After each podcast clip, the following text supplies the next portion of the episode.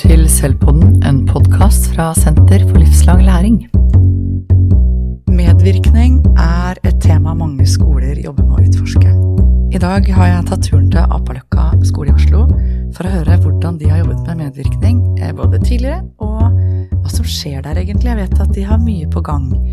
Veldig hyggelig å komme inn til Apaløkka. Her er det plakater på veggene, jeg har blitt møtt med blide elever som har spurt hvorfor jeg er der. Og nå sitter jeg inne i studio. Vi har laget, rigget oss til et studio på skolen med tre personer. Dere kan få presentere dere sjøl. Katrine Thorsvik Tingnes, rektor. Trine Meus, inspektør. Siri Skaret Bangen, lærer. Og vi skal snakke om elevmedvirkning. Og grunnen til at jeg ville komme til Apeløkka og snakke med dere om elevmedvirkning, det er fordi jeg vet at dere er veldig opptatt av det. Det har vært mye omtalt, og dere har kommet akkurat hjem fra en konferanse, internasjonal konferanse òg, hvor dere har snakket om det. Så dere er spesielt opptatt av medvirkning og har egentlig vært på en reise som har vart noen år. Så jeg håper i dag at vi kan få tak i liksom, hva, hva skjer på Appaløkka egentlig? Hva tenker dere? Hva gjør dere? Eh, hvordan syns dere det funker? Og vi skal også snakke med noen elever seinere i dag. Katrine, kan du gi oss først litt sånn hvor, eh, hvor, Hva er Apaløkka? For folk som ikke har vært her før. Apaløkka er en eh, ungdomsskole som ligger eh, i skogkanten på Ammerud. Idyllisk til, med 450 nydelige elever. Og eh, med 65 veldig engasjerte ansatte som ønsker å utvikle oss sammen.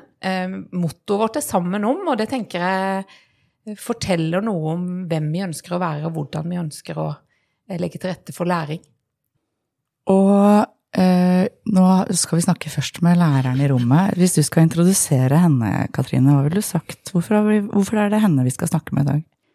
Siri er uh, en lærer som virkelig er sammen om. Uh, hun er engasjert. Hun vil elevene det beste. Hun ønsker å lære å utvikle seg sammen med andre, både med elevene og med oss i ledelsen og med de andre ansatte, til det beste for hver enkelt elev. Og hun er alltid spennende å snakke skole med, hvis man skal bruke det begrepet, da. Og det er gøy, og det er det vi skal gjøre nå, Siri. Så hvis vi, skal, hvis vi starter i din hverdag, ja. Eh, og hvorfor du er opptatt av medvirkning, eller hva, hvordan ser det ut når eh, du er opptatt av medvirkning? Jeg tenker Det er en kjempestor del av hverdagen min. Mm. Eh, det er jo helt umulig å være lærer uten å være opptatt av hva elevene syns og tenker og vil, og hvor deres verden egentlig er hen. Så jeg tenker jo at veldig mye av det jeg driver med, om det handler om sosial eller faglig læring, så handler det om å vite hva, hva elevene vil. For, ja, for det er jo, ikke sant, eh, Når vi nå skal utforske dette begrepet medvirkning, da, så mm. vet jeg at det, man legger så veldig mye forskjellig i det. Mm. Altså hva legger man i det å medvirke inn? Og når du sier at det er det viktigste for deg, egentlig, hvor er det mm. elevene vil? Betyr det at Nå skal jeg være litt sånn Hvis jeg er en mm. lærer som sier å ja, skal de få bestemme alt nå, da? Ja. Er det sånn du tenker, eller hva, kan du forklare litt mer? Nei, jeg tenker jo at um, Nå jobber jeg på åttende trinn, da. Mm. Um, og elevene er jo Altså, det er jo ulikt modenhetsnivå. De må jo få lov å bestemme ut ifra der de er, tenker jeg da. Um, men at hverdagen skal føles relevant og oppleves som en del, at de får være en del av sin egen hverdag og bestemme over det som oppleves viktig for dem, det tenker jeg er viktig eh, for meg, da. Altså, de, Hvilke fag er det du har, forresten? Jeg har eh, samfunnsfag um, og KRLE mm. og engelsk og kroppsøving og fysisk aktivitet og helse. Ja. Så jeg møter de ofte, da. Ja. Mm. Og, og, når de skal få lov til å være med på å bestemme hva For det handler litt om når en lærer planlegger, eller mm. i hverdagen. Kan du si litt om hvordan det ser ut? Eller for hva er det de får lov til å bestemme noe om? Det er jo veldig mye, egentlig, som eh, ja, som man på en måte prøver å tilrettelegge for. Vi har jo på skolen så har vi jo det som heter um, eleveksperter, som ja. uh, kanskje Der vi starter litt, da. Hvor vi hører uh, elevene Det ligner litt på det som heter referansestudenter da jeg jobba, eller var student på NTNU. Mm. Og da man hadde et par uh, studenter som, som, møtte lærerne eller foreleserne og kom med innspill til hva de likte, og hva de ville ha annerledes. Så det er vel inspirasjonen til elevekspert, um, hvordan vi har det på Apaløkka, da. Mm hvor elevene møter lærerne og kommer med tilbakemelding eh, på vegne av hele klassen. Så blir på en måte representanter da, fra klassen som kommer inn i ulike fag. Hvor, hvor, ofte gjør de det? vi prøver jo at det skal skje i forbindelse med hver periode vi har, egentlig. Nå er året vårt delt inn i seks perioder, og så er det litt eh, hverdagen på ungdomsskolen. Den flyr, og det er litt sånn variert hvor mange ganger man rekker det. Men, eh, men elevene i hvert fall ca. to ganger i halvåret, da. Sånn som vi har gjort det nå på åttende trinn. Og hvordan vet du da, for da er det sånn at det er noen elever som representerer hvert fag, eller? Ja, så i hver klasse så sitter en representant fra hvert fag. Um, og de møter da lærerne i, når vi har fagsamarbeid. Ja, Eh, etter skoletid. Eh, først og fremst i skoletid, egentlig. Eh, og da har de hentet inn eh, forslag, ting som elevene liker i klassen, hva de liker å gjøre, hva de ønsker å lære mer om. Spørs litt på spørsmålene som er blitt stilt. Ja, for da sender dere dem noen spørsmål i forkant, som de diskuterer med klassen sin, sånn at de representerer flere enn seg selv. Men eh, tar det ikke litt tid før de skjønner liksom hvordan de kan medvirke på gode måter? Jeg kunne tenke meg, Hvis man ikke er vant til det, da, men det kommer jo helt an på hva de har vært vant til fra barneskolen, sikkert. Absolutt. Men hvordan lære dem opp til å medvirke, sånn at du som lærer får den retningen du vil, tenker jeg. Er ikke det en utfordring? Jo, jeg tenker på åttende trinn så er det jo De kommer jo ganske De vet jo ikke helt hva ungdomsskolen egentlig er, eller hva de kan kreve, eller Mange savner jo barneskolen litt. Det var jo litt eh, Ja, de føler nok at det er litt skummelt å komme på ungdomsskolen. Men mange eh, skjønner etter hvert litt hvor vi vil ut ifra hva slags spørsmål vi stiller, tenker jeg da. Det handler jo litt om å stille riktig spørsmål til riktig trinn, kanskje. Um, I starten så var det veldig sånn at de kan vi ha mer Kahoot? Sant? Så det må jo Og det, det er jo fint, det, men, men det at elevene skjønner litt hva de kan få lov å være med på å bestemme, da. Um, og med den nye læreplanen så er jo veldig mange fag mye mer åpne. Sant? Det er ikke like detaljfokus. Um, elevene kan i mye større grad få lov å være med på hvor de ønsker å Eller på hva de har lyst til å være med på å utforske, da. De kan være med på å bestemme det. Ja, så da må du jo egentlig forstå ganske mye av planen før de kommer med innspill, da. Eller hvordan Ja, det må i hvert fall brytes ned godt nok, sånn at elevene skjønner hva de kan ønske seg. Ja. Um, så jeg tenker jo at det blir jo en elevmedvirkning som skjer i en slags trapp, Mm. hvor eh, sånn faglig sett at de Metoder er jo noe elevene har mange tanker om. Hva de syns em, Jeg syns de er flinke til å si at nå syns jeg vi leser for mye i leseboka, for eksempel, eller, eller ja. I samfunnsfaget nå så prøver vi å ikke være like mye OneNote, for eksempel, for det syns elevene kan bli litt monotont. Em, ja, sånn at um, ting som de har blitt kjent med nå på åttende trinn, da, som de har jobba med et år, nå har de jo et lite repertoar av hva man kan gjøre, og da har de også en ganske tydelig formening om hva de liker. Ja, for én ting er hva de liker, og en annen ting er hva man trener seg opp til å få til. Så man tenker Ja. at en del av jobben ja, ja. vår er jo også å gi dem et sett strategier hvor du kanskje har bedre oversikt enn de har. Mm, Hvordan tenker du på den balansegangen der, eller hva? Jeg tenker jo at det er kjempeviktig at elevene føler at det er rom for at de kan ytre sine meninger, da.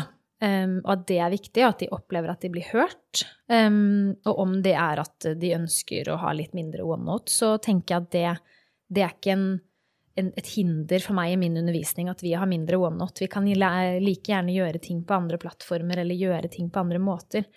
Um, men sånn faginnhold, så vil jo læreren har jo et utgangspunkt som er annerledes enn eleven, og har jo oversikt over hvor vi skal hen. Så, så der tenker jeg at man må hjelpe de litt med å forstå også hva, ja, hvordan man skal eh, eh, finne veien frem dit vi skal på tiende trinn, da.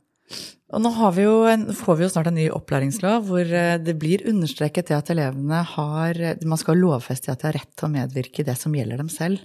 Og da blir jeg jo litt nysgjerrig på når det er én elev som representerer alle elevene i klassen, eller er det flere? Hvordan vet man hva som er liksom eh, den individuelle tilpassingen du skal gjøre, og hva som er eh, represent, altså, representativt for hele klassen? Nå prøv, har vi prøvd ut litt ulike måter å hente inn informasjon. Selvfølgelig tilpasset opplæring skal jo skje uavhengig av det her, Ja. eller i tillegg til. Mm. Eh, men, eh, men for mange så Nå har vi prøvd litt å hente inn data via via form, sånn at alle skal skrive, men man slipper å snakke med noen først, tilfelle det er litt flaut. Og, og sånn. Vi har prøvd å snakke i fokusgrupper, hvor de kan få lov å diskutere hva de liker, hva de trenger, hva de føler. Min opplevelse er at åttende trinnet vi har i år, er veldig motivert for skole. Mange av de ønsker å lære, og, og det er fokus, eh, faktisk. Um, og det er jo kjempespennende. Men eh, man vet jo ikke hva man henter inn, egentlig. sant? Er det det som man tror at alle de andre vil gjøre? Eh, ja, det vet man jo ikke. Men bare det å få opp en bevissthet og oppleve å bli lyttet til, da tenker jeg er en super, et superviktig skritt i seg selv. Hva tenker dere når dere hører eh, Siri fortelle? For det første, dette her er så spennende, og jeg tenker at vi er på en så god vei. Og eh, elevmedvirkning og det å eh, våge å la elevene få lov til å utvikle den rollen som de er i, da, til, i, også i møte med ny læreplan, eh, så må man ha elevmedvirkning for at det skal kunne skje. Og jeg tenker at eh, det er mye av det Siri snakker om nå, å gi det derre rommet og gi de verktøy til å til å kanskje bli mer bevisste på hva de ønsker, og hva de, eh, hvordan de lærer best. Da. Eh, men så er jo dette her Eleveksperter er jo én del av det, som du sier. Eh, og det er jo én elev i hvert fag i hver klasse, så det er jo ganske mange elever fra hver klasse som har akkurat dette vervet, hvis du skal kalle det det. Så har du jo eh, supplement med elevråd, selvfølgelig, og med rektorlunsjer, og med mer sånn dialogen som skjer i klasserommet. Men jeg tenker det å eh, sette det i system, og løfte det opp og bevisstgjøre elevene, men også lærerne, på det, det er det som jeg tenker er den virkelige suksessfaktoren, da. Eh, og at lærerne tør å slippe litt tak i planen sin. Fordi at, eh, som du sa, Siri, med nye læreplanen som er mer åpen, eh, det er ikke bare én vei for at elevene skal få lært det som er viktig mm. å lære for å møte livet etterpå, eller møte verden. Det er mange veier. Mm. Og da å få lov til å være med å påvirke de veivalgene, da. Det, det må vi Altså, vi voksne må jo òg øve på det. Og gi de den tilliten. Ja, og så tenker jeg det er jo viktig at man i klasserommet nå møter hverandre som likeverdige partnere, og hva vil det si, da? Mm. Det handler jo ikke nødvendigvis for læreren å miste kontrollen, men det er jo en annen måte å undervise på. Og det vi så i starten av dette med eleveksperter, som vi startet med for et par år siden, det var jo at eh, det elevene kom med av forslag til metoder, det gjenspeilet jo egentlig det lærerne gjorde i klasserommet. Så det var jo liksom tilbake til lærerne litt, at de bare ok, jeg må kanskje variere litt mer. Så at jeg må ha flere eh, metoder å spille på, da, sånn at jeg også favner flere elever. Eh, når det sitter 30 elever i et klasserom, så skal man jo tilpasse undervisningen til alle de. Så, så det, det har også vært en litt sånn at man kanskje som lærer blir liksom dratt litt i, i håret og holdt litt sånn i nakkeskinnet og bare Vi må være på. For elevene er veldig ærlige i sin tilbakemelding, og det, det opplever jeg også som er eh, en av, av lederne i elevrådet, sammen med sosiallærer, at eh, når vi hører med de hvordan det går med med undervisningen og med vurdering og med tilpasninger og variasjoner og alt som skal til, så, så er de veldig ærlige på det de svarer. Eh, det de vil ha mer av, og det de vil ha mindre av. Og jeg tenker at det er en vei å gå i forhold til det å være litt tålmodig, da. Ut mot elevene. At eh, man ser på elevene som en reell ressurs. Eh, og at de opplever at de blir lytta til, og at det da skjer en endring. Men de må jo få lov til å øve på dette. Øve på det å komme med tilbakemeldinger og, og, og ja, bli lytta til og, og få lov til å, å si hva de mener. Og da må vi også tåle å høre på en måte. Ja, man får jo snudd speilet litt da, hvis Ja, man, får får igjen, man får igjen det man faktisk Ja. har jobbet med elevene Du får det. over en periode. Men jeg ble litt nysgjerrig. Du sa vi skal være likeverdige partnere. Kan du forklare hva du legger i det?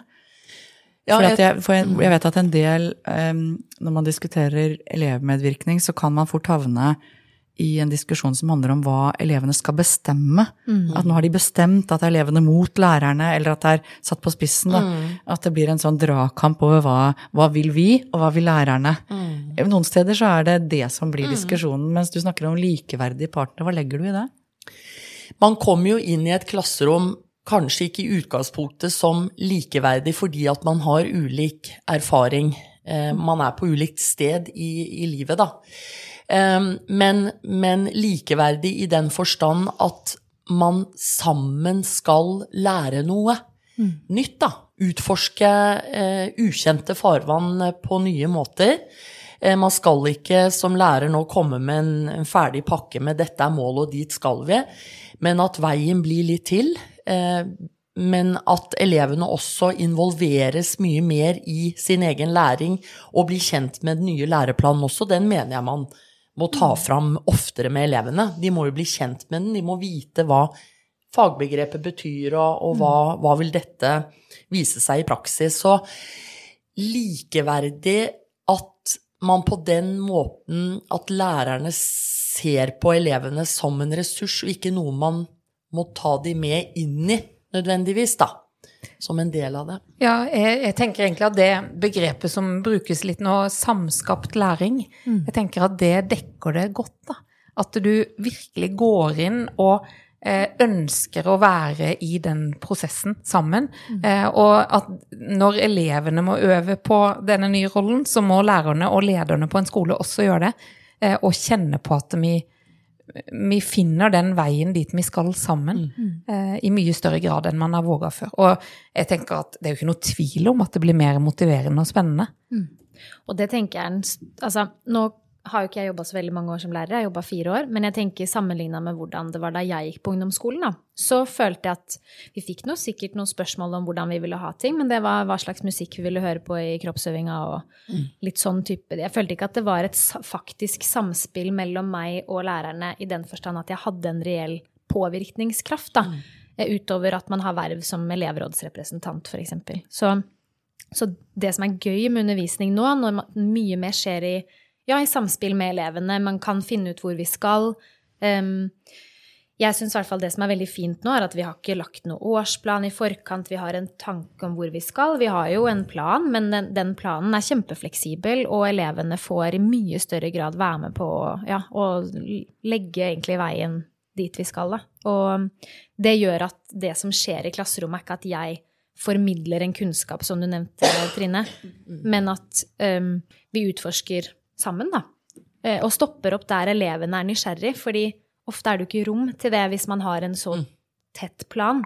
Så er det ikke rom for å stoppe opp der faktisk elevene er nysgjerrig da, og har lyst til å utforske mer. Altså hvis du skal si hva som har endret seg mest på de fire årene du har vært lærer, eller, eller hva du ser hos kollegaer som har jobbet lenger, da, hva er det dere, du tenker er mest krevende, eller hvor har dere flyttet dere mest de siste årene? Jeg tenker jo at for mange så er det kanskje krevende å ikke ha en tydelig plan, fordi man har jo en travel hverdag, og det er mye som skal gjøres. Og det å, ja, det å komme inn i klasserommet og ha en plan og vike fra den, hvis man har en langsiktig plan f.eks., så vil jo den måtte endres også. Um, så jeg tror den planlegginga inn mot undervisning endrer seg jo også til det bedre for lærerne hvis man tør, sånn som du sier, Katrine, og våger å la elevene slippe til, da. Em, for da tror jeg heller ikke man trenger å være så strikt i hvor man skal fra du kommer inn i klasserommet, men at, du, at elevene får være med å utforske. Hvis jeg, hvis jeg tar på meg sånn rollen som en gammeldags forelder som ikke helt skjønner dette, Ja. eh, og lurer på å ja, skal elevene be, men hvor er du som fagperson i dette? Hvor er, hvor er retningen? Mm. For det er vel ikke sånn at eh, du lar elevene bestemme alt? Nei, nei, nei. Så hvilke rammer er det du har med deg i hodet da, når du går inn i dialog med elevene, enten det er disse litt større stoppene med elevekspertene, eller den fleksibiliteten du har i hverdagen? da? For du sa noe om at den nye læreplanen er ikke så tydelig på innhold, men den sier jo mye om hvilken kompetanse vi skal jobbe mot. Absolutt. Jeg tenker jo at det krever gode fagpersoner først og fremst. da, At man må på en måte stole på profesjonen, egentlig. Um, og så tenker jeg at i forkant av, ja, sier vi nå ja, en periode i samfunnsfag, jeg kommer akkurat ut av samfunnsfagundervisning, så jeg har litt de brillene på, Um, så har vi jo en tydelig plan på hva elevene skal sitte igjen med på slutten. Ja. Sant? Vi har jo en kompetanse, altså en type kompetanse som, vi, som elevene skal trene seg på. Men hvordan man gjør det, det kan man jo være fleksibel på. Sant? Man trenger jo ikke å gjøre det på en bestemt måte. Um, og jeg tror nå har jo, ja, som sagt, mens jeg har jobba, så har jo flere av bøkene blitt digitalisert. Vi har færre faktiske lærebøker. Vi har mer på Vi bruker blant annet skolestudio, sant, som gjør at um, jeg føler i hvert fall ikke at jeg er like bundet til boka lenger. Det tror jeg kanskje er en sånn endring som skjer i større grad. Man tør å stole på Um, ja, det kan hende at mange har gjort det veldig lenge, og, og, men jeg tror som nyutdanna i hvert fall, så er man litt redd for å vike fra, fra det som noen som kan kanskje mer, har liksom lagt for Oi, unnskyld. Lagt for deg. Så um, ja. Nei, jeg tror, jeg tror at um, det er kanskje den største utfordringa for mange, er det å tørre å gi litt slipp. Um, og det samme gjelder jo inn mot vurdering, egentlig. Det å tørre å la elevene prøve seg frem på ting som er nytt. Um. Det handler kanskje om planleggingsfasen må endre seg litt, egentlig. Ja, jeg blir litt nysgjerrig på dette med den, eh, det du beskriver som den lange kompetansereisen. Mm. Og det lange, vi vet jo hvor de skal. Mm. Eh, for det vet jeg at det er mange lærere som strever med å beskrive og forklare. Mm. Er det sånn at elevene også er klar over hvor de skal, tenker du, eller bruker dere mye tid på det? Og jeg spør litt fordi at noe av utfordringen en del steder er jo det å nettopp løfte blikket og se den lange kompetansereisen, mm. istedenfor å jobbe fra situasjon til situasjon hvor det mm. er eh, enkeltemner som man får prøver i, satt på spissen, mm. og så er man ferdig med det og går videre, og da handler det jo egentlig ikke om læring, men om bare å komme seg gjennom noe mm. som er bestemt, da. Mm. Men hvordan eh, jobber dere med nettopp det å definere den kompetansen? Nå har jo kjerneelementene mm. selvfølgelig en god hjelp der, men, mm. men, det skal jo konkretiseres på en måte. Jeg tenker jo at inn mot elevene, i hvert fall, da, så må man jo Dette må jo gjentas mange ganger, og så må det brytes ned på en forståelig måte. Um, Ut ifra hvordan vi jobber i de ulike fagene jeg har, da, så, så gjentar vi jo veldig ofte hva som er formålet med faget Uh, i ulik på en måte form og hvordan man gjør det. Men, um, men, jeg tenker jo hele veien så får jo elevene fremovermeldinger på hvor de skal hen. Eh, og hva de er gode på, hva de får til i faget. Så jeg tenker jo der også går jo ting sant? Kompetansen ligger jo i det du får det du kommuniserer med læreren om hele veien, da. Ja, for det var det neste spørsmålet mitt. Det der ja. med hvordan følger man med på den utviklingen. Mm. For sant, i utgangspunktet, da, hvis jeg er tilbake til den litt gammeldagse forelderen, mm. eller tradisjonelt sånn som jeg har tenkt om skole, mm. så er det jo noe med hvordan læreren følger med, læreren går gjennom noe, mm. og så sikrer vi at vi er der vi skal. Eh, men i den fleksibiliteten så krever det jo at du hele tiden egentlig går rundt og, som du sier, er i dialog med elevene og følger med på deres kompetanse. Hvordan tenker dere, har dere jobbet også mye med vurderingspraksisen deres her? Ja, absolutt. Mm. Vi er jo inne i et, eh, et, vurderingsnettverk nå som er veldig spennende. Mm. Um, hvor i hvert fall jeg får utfordra veldig min egen tanke på hva vurdering er, eller det å følge med på elevenes ja, kompetanse, eller hvordan utviklingen er. Uh, og det tror jeg Jeg tenker det er jo veldig mange foreldre som har en formening om skole. Uh, og veldig ofte så sammenligner de jo med sin egen skolegang. Men um, så tror jeg det å trygge de også på at det å ha en prøve i, i samfunnsfag, f.eks., hvor du tester kunnskap, det er kanskje ikke den kompetansen som vi leter etter heller i dag, da. Uh, og at det er mye viktigere egentlig inn mot alt det med elevmedvirkningen, det at elevene kan, er kritiske vesener, de klarer å, å si noe om sin egen både utvikling og hva de trenger, og de blir ja, selvstendige individer, da, rett og slett, i denne prosessen òg. Men hvordan er det, mm. for Grunnen til at jeg tar dette foreldreblikket, er fordi at en del skoler vi samarbeider med, så opplever vi at de sier at det er litt, det som er litt krevende. Nå prøver vi å jobbe på nye måter, og så etterlyser foreldrene mange karakterer, f.eks. Jeg vet ikke hvordan det med karakterer er. Men at det er foreldrene, at det, det syns lærerne er krevende å stå i. da, mm. Det å forklare hvordan man jobber til foreldre. var egentlig derfor jeg var litt mm. nysgjerrig.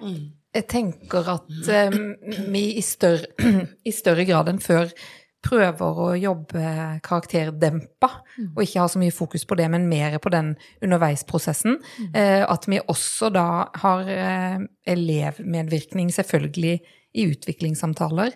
At eh, den dialogen som skjer der, og det foreldrene ellers får vite hvis de er nysgjerrige og spør, er min opplevelse av at de er trygge på at vi Mm. vet at vi er på en god vei og i en prosess med elevene da, mm. i læringa. Mm. Så det er lite Jeg opplever at det er veldig lite skepsis, og egentlig hvis det er nysgjerrighet, så er det fordi de syns det er spennende. Mm. Eh, og så handler det jo om det elevene speiler når de kommer hjem, da. Hvis, eh, hvis man forteller at 'jeg har hatt det spennende på skolen', som mange elever gjør, eh, er min opplevelse igjen, så ja, så, så, tror jeg de jo blir jo trygge bare av det. Mm. Tenker jeg da. Mm. Selv om de ikke kjenner det helt igjen. Jeg også tror det gjennom, gjennom elevene, da, at det er elevene usikre på hva de gjør, hvorfor de gjør det de gjør, eh, hvordan fremgangen i faget er, så vil jo det også speile hva foreldrene kommuniserer tilbake til skolen, da. Um, så her tenker jeg jo at dialogen med elevene er jo kjempeviktig. Um, og kanskje enda viktigere enn når det var, sånn som du nevnte, satt på spissen, kapittelprøver. Um, hvor det var så tydelig resultat etter hver endt periode, da. Mens nå skjer ting litt mer ja, i en annen type flyt, kanskje. Eh, mm. Men det som er litt utfordring som vi skal jobbe mer med, det er jo det å se på og lete etter det gullet eh, jevnt over eh, i enhver eh, time eh, positivt. Da. Lete positivt etter det elevene kan, eh, ikke hva de ikke kan. Eh, og så er det å sette det i et type system, for det er nok, merker vi kanskje litt sånn med frustrasjon her hos noen lærere, at ja, men hvordan skal vi liksom få det til i praksis? Eh, og det er jo ikke ett fasitsvar som man gjerne ønsker å få.